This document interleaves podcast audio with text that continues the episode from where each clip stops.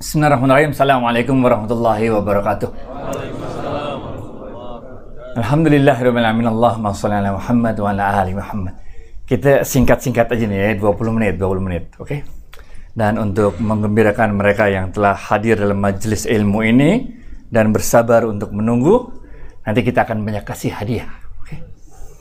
Akan banyak kuis yang bisa menjawab kuis dengan tepat, angkat tangannya dan apabila jawabannya benar akan mendapat hadiah lima puluh ribu rupiah. Oke oke oke oke oke oke. Oke, topik kita hari ini adalah mengenai riba. Riba itu ada banyak jenisnya, benar nggak? Bukan banyak jenisnya. Riba itu ada tiga jenisnya. Oke, kita mulai dengan riba yang paling lazim dulu. Oke, pertanyaan pertama, kuis pertama. Kalau kita sebagai borrower, eh sebagai lender, sebagai lender, sebagai lender, orang yang punya duit, dia mau minjemin duit, oke? Okay? Apabila posisi kita sebagai lender, kita meminjamkan uang 50 ribu, oke, okay, sebagai lender, lalu kita minta agar borrower mengembalikan kita ke 5 jadi 100 ribu, apakah hal, i, hal ini disebut sebagai? Gocap buat ente. Estafet pak. Bagaimana pak? Dia paling duluan nunjuk tangan. Paling duluan nunjuk tangan. Gocap, gocap,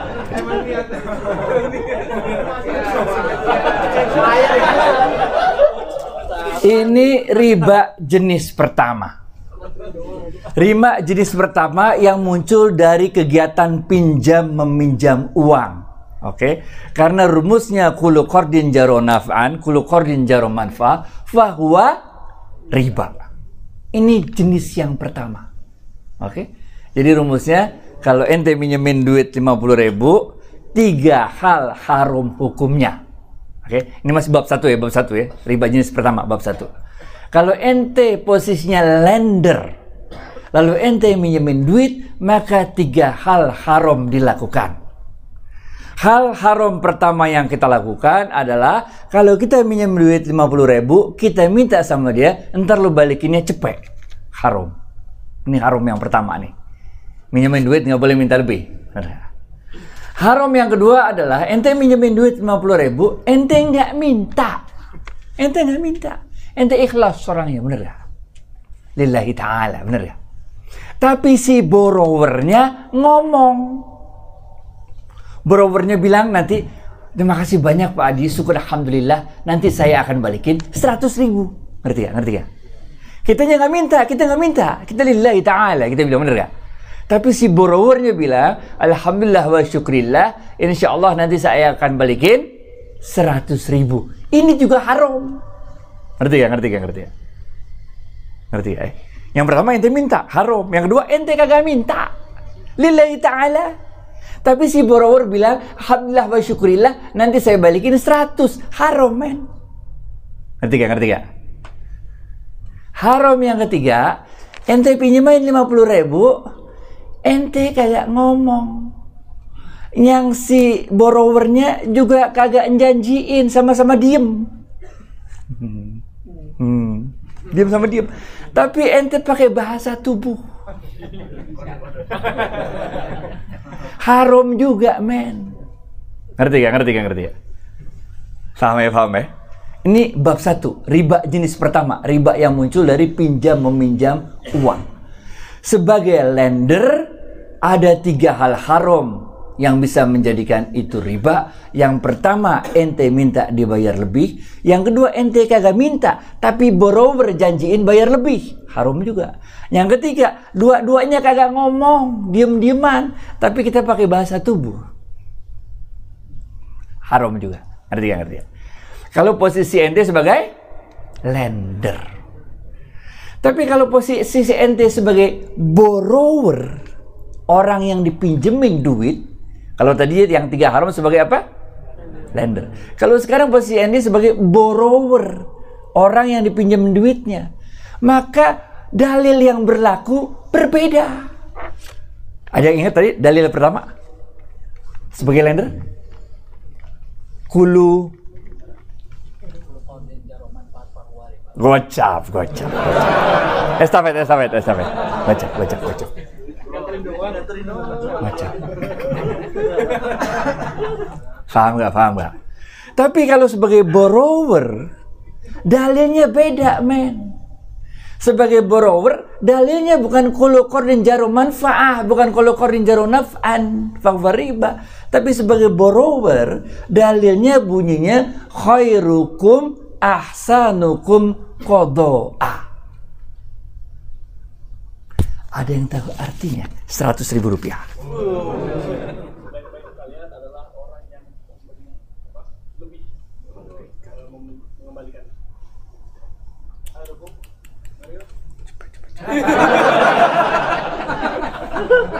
Gitu gawat juga XL nih.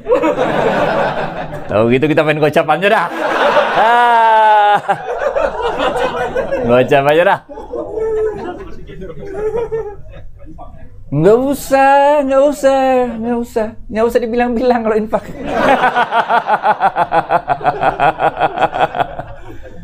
Khairukum ahsanukum kodoa.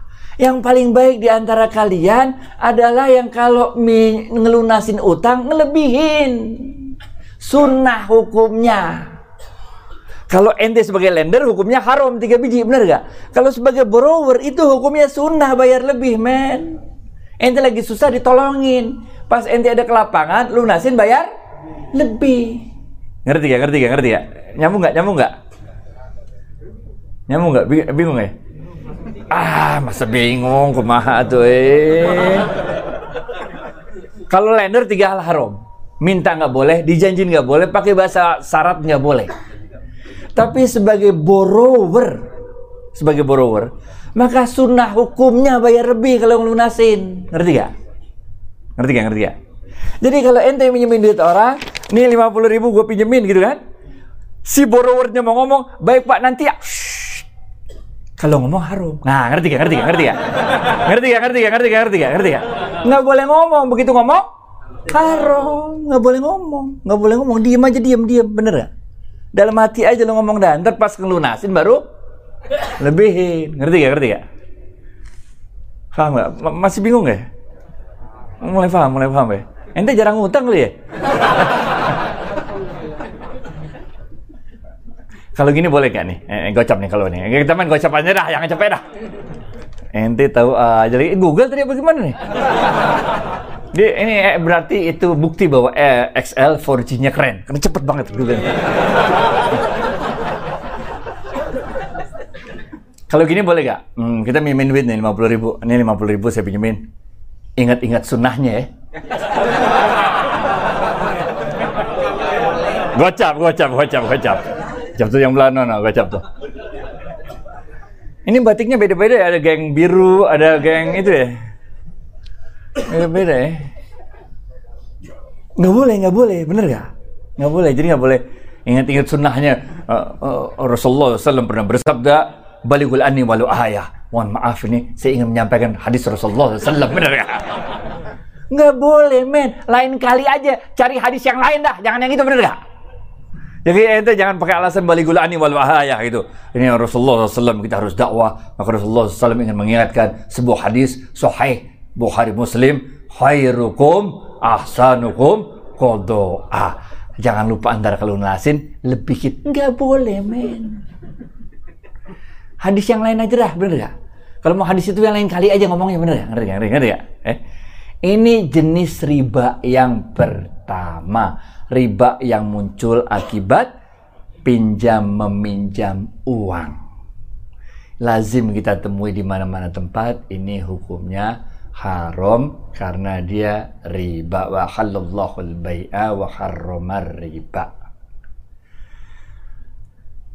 Di dalam bahasa Arab itu ada ada ada mirip-miripnya. Kalau ente kasih uang, minta lebih uang namanya riba, benar gak?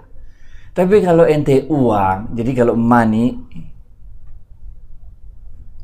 transfer in transform into more money namanya riba. Kalau uang menjadi uang yang lebih banyak namanya riba. Ngasih uang minta bayar yang lebih banyak namanya riba. Oke?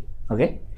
Tapi kalau uang oke okay, dirubah menjadi barang dan jasa. Ngerti gak lo? Ngerti gak lo? 50 ribu ini lu beliin apa kayak gitu Beliin apa coba 50 ribu dapat apa? Pop mie, bener ya? Beli pop mie. Berapa yang harganya 50 ribu? Apa yang harganya 50 ribu? Coba. Martabak, oke. Okay. 50 ribu, ente beliin martabak. No, di sana bawa no martabak apa namanya? Bang apa nama martabak sono sono. Beliin martabak. Habis itu martabaknya ente jual lagi. Belinya 50 ribu, jual martabaknya 100 ribu. Boleh apa kagak? Boleh. Di dalam bahasa Arabnya ini namanya ribah, bukan riba. Ribah, ribahi, ribahu. Ngerti gak? Ngerti gak? Ngerti gak? Udah nyambung belum nataknya? Belum ya? Agak susah ya? Agak susah ya? Salah panitia, kenapa ente minta topik yang susah? Ini topik yang susah ini soalnya. Ngerti gak? Ngerti gak? Duit 50 ribu. Langsung minta duit lebih banyak. Haram, namanya riba. Duit 50 ribu. Ente transform ini duit menjadi barang atau jasa. Misalnya ente beliin martabak 50 ribu. 50 ribu martabak. Kemudian ente jual. Harganya 100 ribu.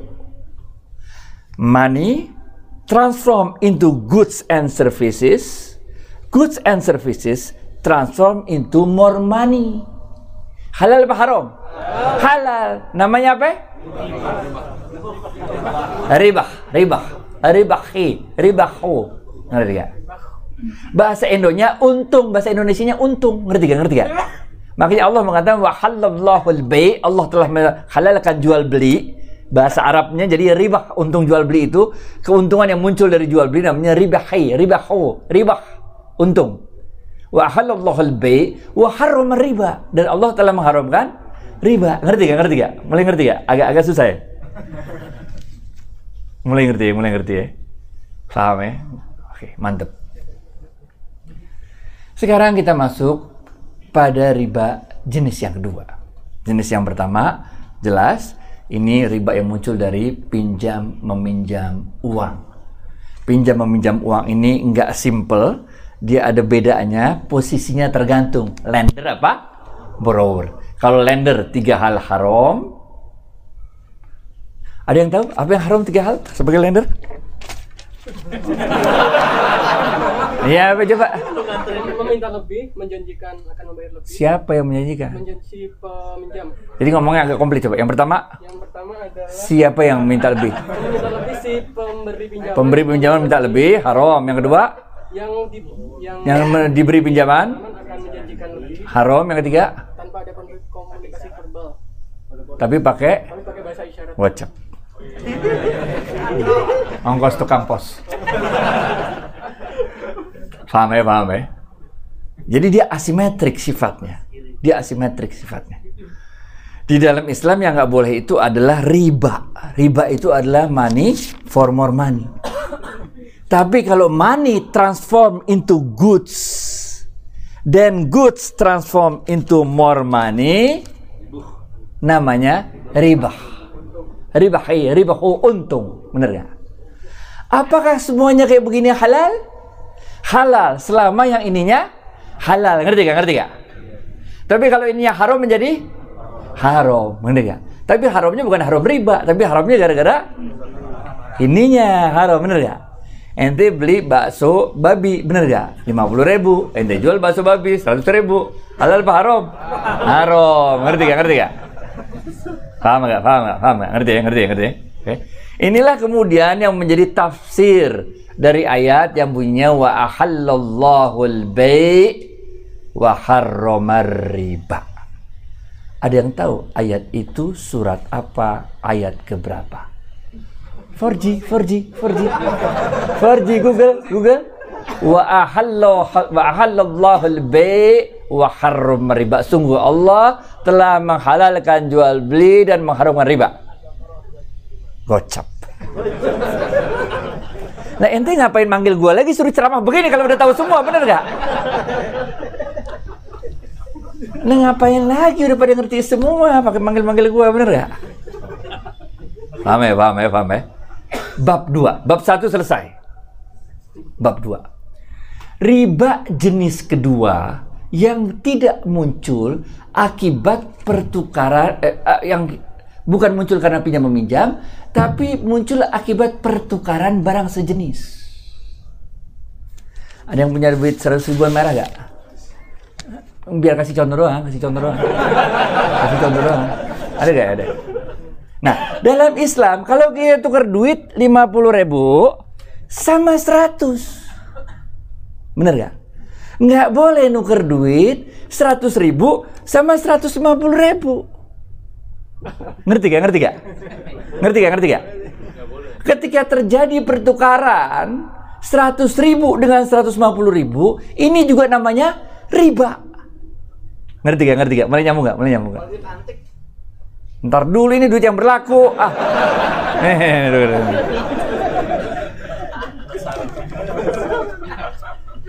Duit antik namanya bukan duit. Duit itu adalah alat bayar yang berlaku resmi di sebuah negeri. Itu namanya duit, nukut. Kalau uangnya udah nggak laku, maka dia berubah. Bukan lagi menjadi uang, tapi dia menjadi silah namanya, barang. Barang.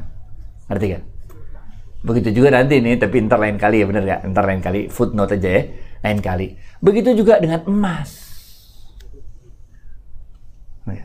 Emas zaman Rasulullah SAW itu menjadi alat bayar. Menjadi uang dulu, uang. Emas itu adalah dulu nukut, menjadi alat bayar. Nah, kalau sekarang emas itu bukan lagi menjadi alat bayar. Sehingga posisinya berubah, bukan lagi menjadi uang, tapi menjadi silah namanya. Menjadi barang berbentuk emas. Ngerti gak? Ngerti gak? Agak sulit, sulit ya? Agak bingung ya? Tenang, tenang. Oke. Jadi kita masuk bab 2. Bab 2 ini bercerita tentang riba yang muncul akibat pertukaran barang sejenis. Dalam Islam, ini emang di sini AC-nya mati ya kalau musola ya? Apa gimana? Nyala ya? Nyala ya? Emang ini ya? Ya.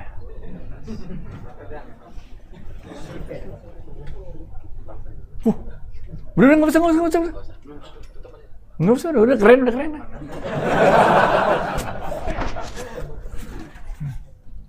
Oh, karena ini, karena dekat jendela ya? Sampai mana tadi kita itu? Ah,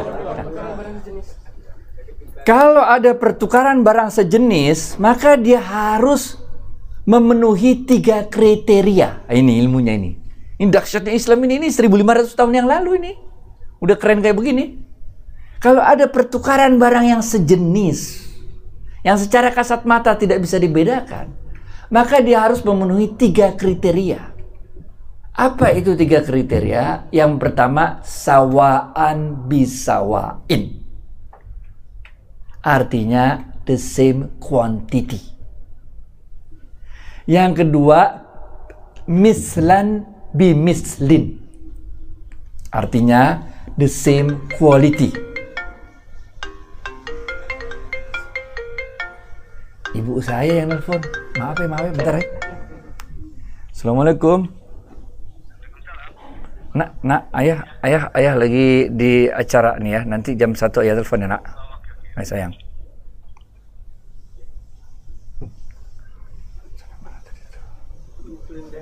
Tiga. Ada tiga. Kalau terjadi pertukaran barang sejenis, tiga hal harus terpenuhi. Yang pertama, sawaan bisawain. Artinya harus the same quantity. Yang kedua, mislan bimislin. Semisal. Kalau bahasa Indonesia itu semisal. Mislan, mislan. Semisal, misal. The same quality. Dan yang ketiga, iya dan biadin. Cash and carry. Tunai. Ngerti gak? Ngerti gak? Waktu itu ada seorang sahabat. Beliau itu menukarkan satu sak gandum yang kualitas baik dengan dua sak gandum yang kualitas buruk. Ketika Rasulullah SAW dilaporkan hal tersebut, maka Rasulullah SAW mengatakan, lah jangan. Juallah gandummu yang kualitas baik itu. Dapatkan uang dan belilah gandum dengan kualitas buruk itu dengan uangmu. Ngerti gak? Ngerti gak? Ngerti gak? Nyambung gak? Nyambung gak? Agak bingung ya? Enggak, masih oke. Kenapa kira-kira? Karena gandum yang kualitas baik itu punya nih ma maaf ya kalau, kalau agak susah dikit mohon maaf dah ya panitianya nih cari topik yang susah-susah. Karena gandum yang kualitas baik itu punya supply and demand-nya sendiri. Ngerti gak? Ngerti gak? Ada yang tahu supply and demand? Supply and demand? Kebutuhan dan penyediaan Ah, oke lah, oke lah. Terjemahannya gitu sekarang ya? Zaman dulu saya mah permintaan dan penawaran, tapi oke, oke. Gandum kualitas yang baik itu punya supply and demand-nya sendiri sehingga dia punya equilibrium price-nya sendiri. Ngerti gak lo? Ngerti gak lo? Sedangkan gandum kualitas buruk itu juga punya supply and demand-nya sendiri sehingga dia punya equilibrium price-nya sendiri. Mobil Mercedes itu yang beli itu ada orang tertentu yang jualnya orang tertentu sehingga harganya segitu. Ngerti gak? Ngerti gak? Ngerti gak? Mobil Agia itu ada permintaannya tertentu yang beli orangnya jenis tertentu. Yang jual tertentu sehingga harganya segitu. Ngerti gak? Ngerti gak? Sehingga ente nggak bisa main tuker aja gitu gandum begitu nggak bisa.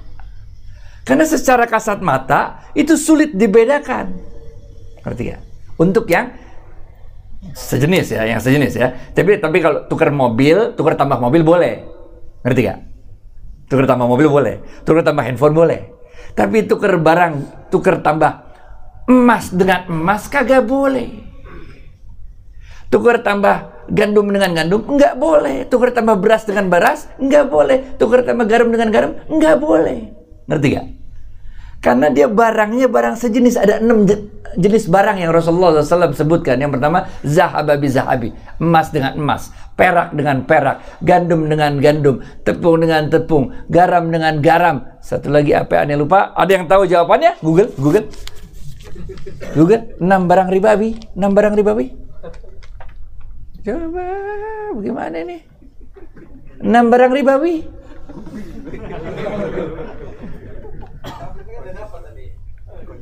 Eh, eh, yang udah dapat duit nggak boleh ngomong.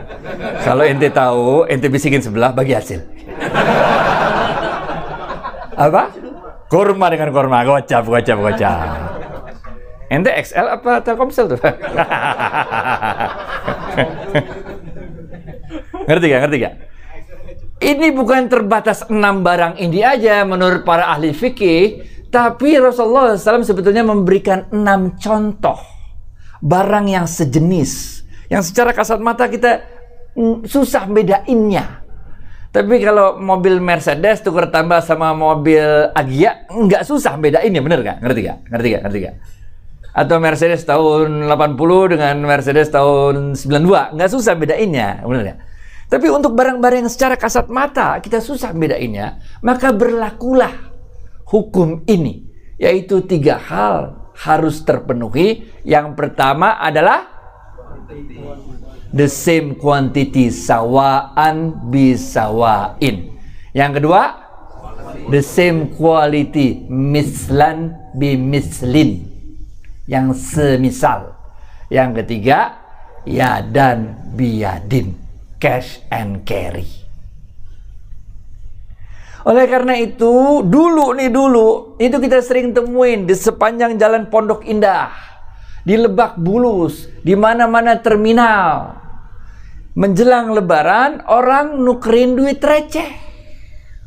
Benar ya? Satu juta uang receh dijual.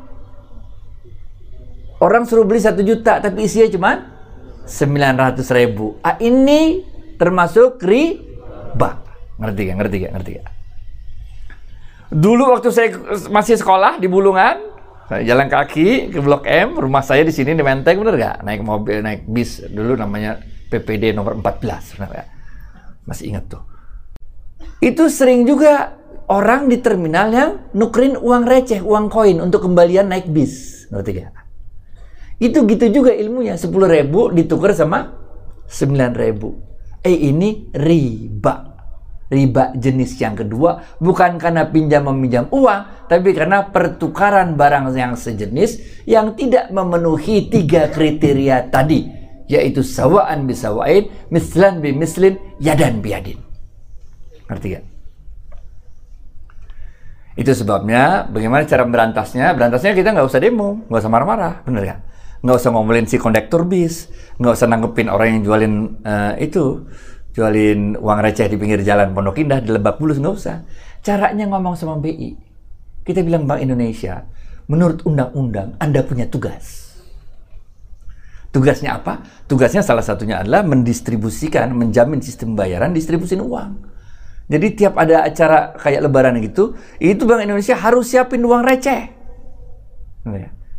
Nah, Bank Indonesia kan dia bisa nyuruh bank-bank yang lain bener gak? Dia tinggal tinggal nunjuk-nunjuk kayak bank yang bank mandiri kayak bank apa lu gitu bener gak?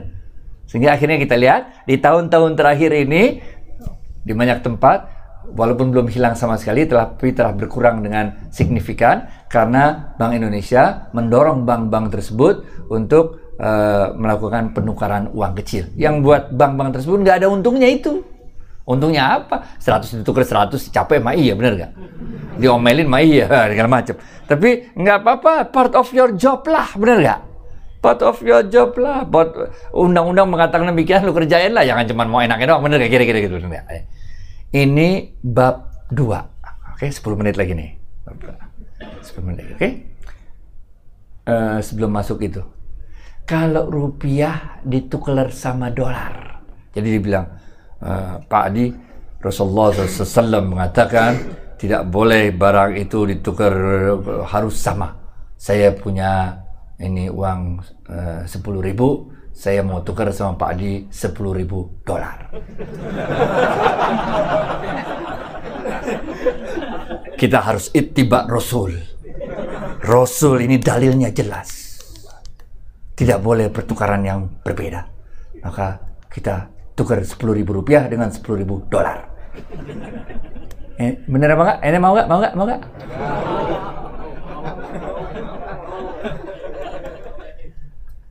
Kita jangan mau dibego-begoin sama orang kayak begini, jangan mau dah. Bener. Keliru. Karena dolar dan rupiah tidak memiliki kualitas yang sama. Ngerti gak? Ngerti gak?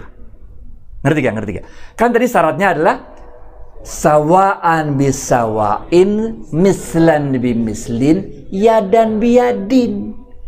Lah kalau dolar itu ke rupiah dolar itu kualitasnya tidak sama dengan rupiah. Dari mana cara ngukurnya? Daya belinya. Satu dolar daya belinya tidak sama dengan daya beli satu rupiah.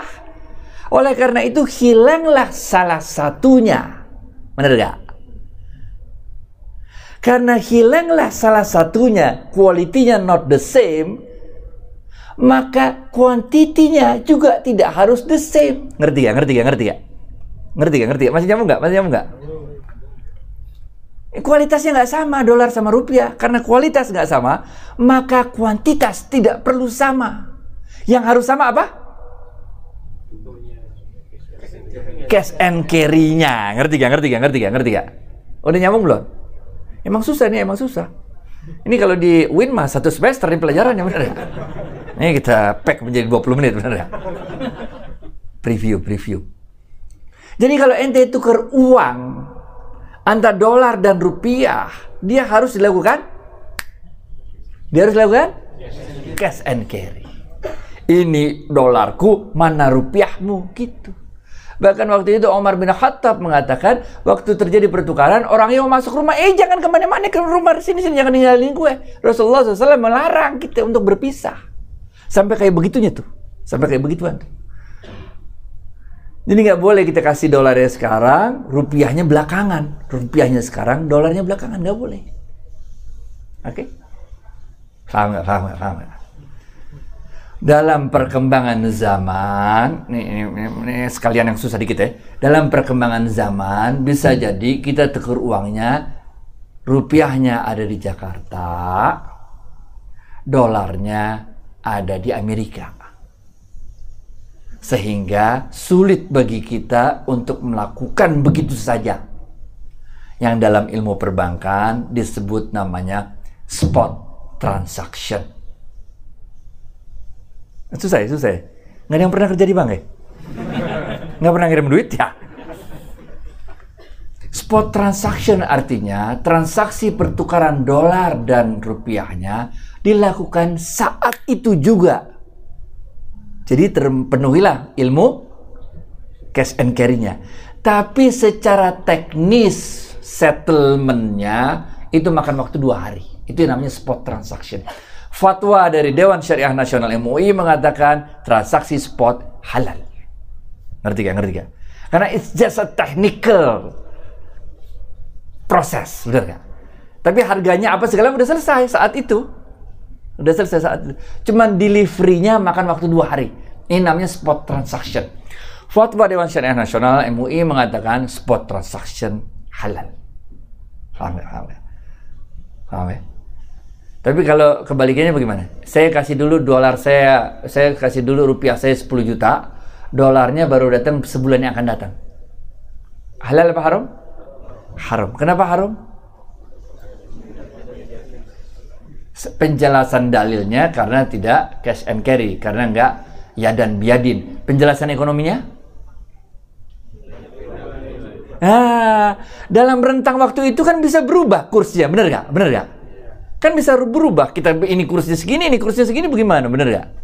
Padahal di sini ada supply and demand-nya sendiri sehingga terciptalah kurs.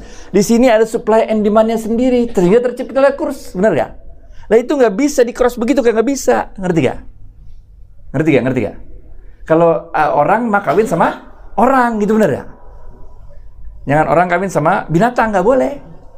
Nggak boleh ini kebebasan uh, uh, hak asasi manusia uh, kita boleh saja menikah sesama jenis benar gak nah, apa sih nggak boleh kita membeda-bedakan manusia laki perempuan sama saja benar gak jadi laki boleh kawin sama laki perempuan boleh perempuan sama perempuan. Kalau itu kita terusin cara mikirnya maka bentar lagi jangan larang saya kalau kawin sama kuda. Bener gak repot kalau gitu cara mikirnya. 6 menit lagi Bab 2 selesai, bab 2 selesai, bab 2 selesai ya. Bab 2 selesai, yaitu riba yang muncul akibat pertukaran barang sejenis. Rinciannya panjang. Bab 3 terakhir, terakhir, 6 menit nih selesai nih. Bab 3 adalah riba yang muncul akibat perpanjangan waktu yang diberikan. Contoh, di zaman Rasulullah SAW dulu, orang Arab jahiliyah, itu dia kerjaannya jualan. Dalam hadis ini contohnya jualan kontak. Kalau pedagang jualan, biar kata dia nggak punya barangnya, dia bilang ada, bener gak? Bener gak? Bener gak? Ente juga gitu, bener gak? Biar kata belum siap juga uh, dapur ente, ente iklanin aja dulu, bener gak? Yang penting bahwa orang ini lah, bahwa ente belum siap, nanti kita bilang sabar ya pak, gitu lagi, haha, gitu bener gak? Iya. Karena inventory cost, biaya untuk miara onta supaya dijual itu mahal. Sehingga para pedagang Arab jahiliyah dulu, dia nggak mau miara onta, dia mau jualan onta. Ngerti gak? Sehingga kalau ada orang jual, ada orang datang mau beli onta, ada saya mau beli onta nih yang satu tahun punya gak? Ada gitu. Walaupun nggak ada barangnya, bener gak? Sama ente kalau jalan-jalan sini nih, ITC Fatmawati nih, eh ITC mana namanya? Ambasador nih, ente beli handphone dah, soalnya bener gak? Tokonya kecil-kecil men. Ente sebut handphone apa juga ada kata dia. Apa aja handphone apa yang ente sebut ada dia. Cocok harga saya ambil ke toko, saya ambil ke gudang. Dia nggak ambil ke gudang men, dia ngambil ke toko lain. Ngerti gak? Ngerti gak? Jadi instead of daripada dia punya gudang yang harus dia sewa, dia punya inventory stock yang harus dia piara, mendingan inventory stoknya dia taruh sesama toko gitu aja bener gak? Ntar giliran gua ini gua pinjam gua jual gitu ngerti gak? Sama orang Arab jahiliyah juga gitu. Ontak satu tahun ada gak? Ada gitu. Eh, cocok harga gue ambil dari kandang gitu. Udah. Dia nggak ambil dari kandang, dia pinjam dari tukang ontak lain. Ngerti gak? Pinjam dari tukang ontak lain. Dijual tuh ontak. Ini minjem bukan minjem buat buat pinjam dinaik-naikin, bukan. Minjem buat dijual. Sama kayak di ambasador. Yang dia bilang pinjem itu bukan pinjem. Itu mah pinjem untuk dijual barangnya, ngerti gak? Ngerti gak? Sama orang Arab jahiliyah gitu juga. Dia pinjam onta umur satu tahun, dia jual. Ntar empat bulan lagi atau tiga bulan lagi balikin ya katanya. Oke oke. Ketika tiga bulan lagi jatuh tempo, maka pedagang yang tadi minjem onta akan bawa onta yang umur satu tahun. Karena tadi minjemnya satu tahun, bener gak? Onta sama kayak sapi, kalau umurnya tambah, harganya mahal, ngerti gak? Jadi pas jatuh tempo tiga bulan, dia bawa ada satu onta mau mau balikin. Tapi si pedagang yang tadi dia pinjam ontanya nggak mau terima karena belum ada pembelinya, ngerti gak? Ngerti gak? Nyambung gak? Nyambung gak? Kalau dia terima repot, suruh ngasih makan, suruh mandiin, ngasih minum, repot bener bener gak? Udah gue tolongin lu ngerepotin gue, bener gak? Ya, jangan, jangan, sekarang ngerepotin gue aja. Udah, udah, udah, tiga bulan lagi dah. Tadi mesti jatuh tempo berapa mestinya? Eh, tiga bulan aja ya, biar gampang, biar gampang otaknya. Ya. Mau tiga apa mau empat? Yang jelas aja nih. Tiga ya. Misalnya tadi dia janji pinjam ontanya tiga bulan, mereka. Begitu jatuh tempo tiga bulan, karena belum ada pembelinya, maka dia katakan jangan sekarang balikin ontanya dah, balikin ah, tiga yang akan datang dah. Jadi enam bulan kan? Ya ngerti gak? Ngerti gak? Jangan sekarang dah, baliknya tiga bulan lagi aja dah, bener ya? Sembari sembari dia nyari calon pembeli, ngerti gak? Ngerti gak? Tapi lu balikinnya sama onta yang umur 2 tahun deh. Ngerti gak? Ngerti gak? Ngerti gak? Ngerti gak? Tadi minjemnya berapa umurnya? Satu tahun. Begitu dia mau balikin 3 bulan, dia bilang jangan sekarang. Ntar gua kasih tempo dah. 3 bulan lagi aja dah. Tapi lu balikinnya pakai onta umur 2 tahun. Ngerti gak? Ngerti gak? Ah, inilah riba jenis ketiga yaitu riba yang muncul akibat perpanjangan waktu yang diberikan. Paham nggak? Paham nggak?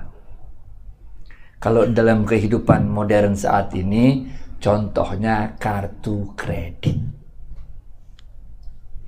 Kalau ente pakai kartu kredit, billingnya datang, ente bayar, ente belanja satu juta, billing datang satu juta, ente bayar lunas satu juta, ada bunganya ada apa kagak? Nggak ada bunganya. Ngerti gak? Ngerti gak? Ibaratnya tuh onta dibalikin umur 3 bulan, eh pas 3 bulan, ngerti gak? Ngerti gak? Tapi kalau ente nggak bayar penuh, ente cuma bayar minimum payment 10%, ditagih sejuta, ente cuma bayar 100 ribu, maka yang 900 ribu itu oleh bank akan dikenakan bunga 3,6% per bulan. Ah, itu riba. Ngerti gak? Ngerti gak? Ngerti gak? Ngerti gak? Paham gak? Paham gak? Jadi bukan kartu kreditnya yang haram. Ngerti gak? Ngerti gak? Tapi the way you pay it gitu loh. Kalau ente selalu bayar tepat, maka nggak muncul riba. Ngerti gak? Tapi kalau ente nggak bayar tepat, ente cuma bayar minimum payment atau berapalah, tapi nggak full amount ente bayarnya, nggak penuh ente lunasinnya maka sisa yang tidak dibayar, yang belum terbayar penuh, itulah oleh bank akan dihitung bunganya. 3,6% per bulan. Itulah riba. Mulai ngerti ya? Mulai ngerti gak? Mulai ngerti ya? Nah, inilah tiga jenis riba, tiga jenis riba yang pada 20 menit tadi telah kita bahas. Yang pertama adalah riba yang muncul dari pinjam meminjam yang kedua adalah riba yang muncul dari pertukaran barang sejenis. Bahasa Arabnya riba fadal kalau mau pakai bahasa Arabnya benar ya. Nah, berisap riba yang pertama riba nasiah, riba kedua namanya riba fadal, dan riba ketiga adalah riba yang muncul akibat perpanjangan waktu yang diberikan ketika telah jatuh tempo yang sering disebut sebagai riba jahiliyah. Karena riba ini sering digunakan dulu oleh orang-orang Arab jahiliyah dalam berjualan unta. Tiga jenis riba inilah mudah-mudahan secara perlahan-lahan bisa kita tinggalkan seluruhnya dari kehidupan kita semampu kita. Kita upayakan kalau pakai kartu kredit bayar penuh, bayar penuh, bayar penuh. Kita upayakan, kita upayakan, oke? Bagi mereka yang masih punya uang tabungan di bank konvensional, kita upayakan perlahan-lahan ente pindahin ke bank syariah, bener ya? Kalau udah di bank syariah, ente udah kagak usah nanya lagi ini beneran syariah apa kagak, nggak usah. Udah syariah aja gitu udah, udah, udah, udah. Bahwa ada kurangnya kurangnya apa segala macam human lah human, bener gak sih? Ente nggak usah nanya ini bank syariah udah bener-bener syariah, nggak usah nanya gitu. Itu sama juga dengan pertanyaan apakah kita udah benar-benar Islam? Hah. Siapa di sini yang udah benar-benar Islam? Coba pengen tahu. Nggak ada, men. Kulubani Adam, khotok. Seluruh anak cucu Adam itu pendosa. Dan sebaik-baik pendosa, ada yang paling cepat tobatnya. Emang syariah sih ada aja salahnya sana sini sana sini ya. Ini namanya orang, bener gak? Emang kita kalau udah udah jadi orang Islam ente gak pernah salah. Yang bener aja, bener gak? Ente buat dosa juga kan? Buat dosa kan? Buatlah kita juga nih ini. Kelihatan banget muka gue banyak dosanya bener gak? Bohong, pokoknya kalau ada orang yang bilang dia nggak pernah buat dosa, please deh cari bohong yang lain aja kita bilang bener gak? yang lain aja cari bohong. Nabi Adam alaihissalam men tinggalnya di sorga, tinggal di sorga men. Allah bilang dam terserah lu mau ngapain di sini dah, sorga, bener gak? Dam terserah dam. Ngapain? Tapi jangan lu deketin di pohon, kata Allah gitu kan? Dideketin gak sama Nabi Adam tuh pohon? Deketin itu yang udah tinggal di sorga men. Ente lagi yang masih rocker gini ya. Mohon maaf dari batin. Billahi taufiq wal hidayah. Assalamualaikum warahmatullahi wabarakatuh. Kalau atas paparannya sudah pukul satu siang, mari kita tutup kajian pada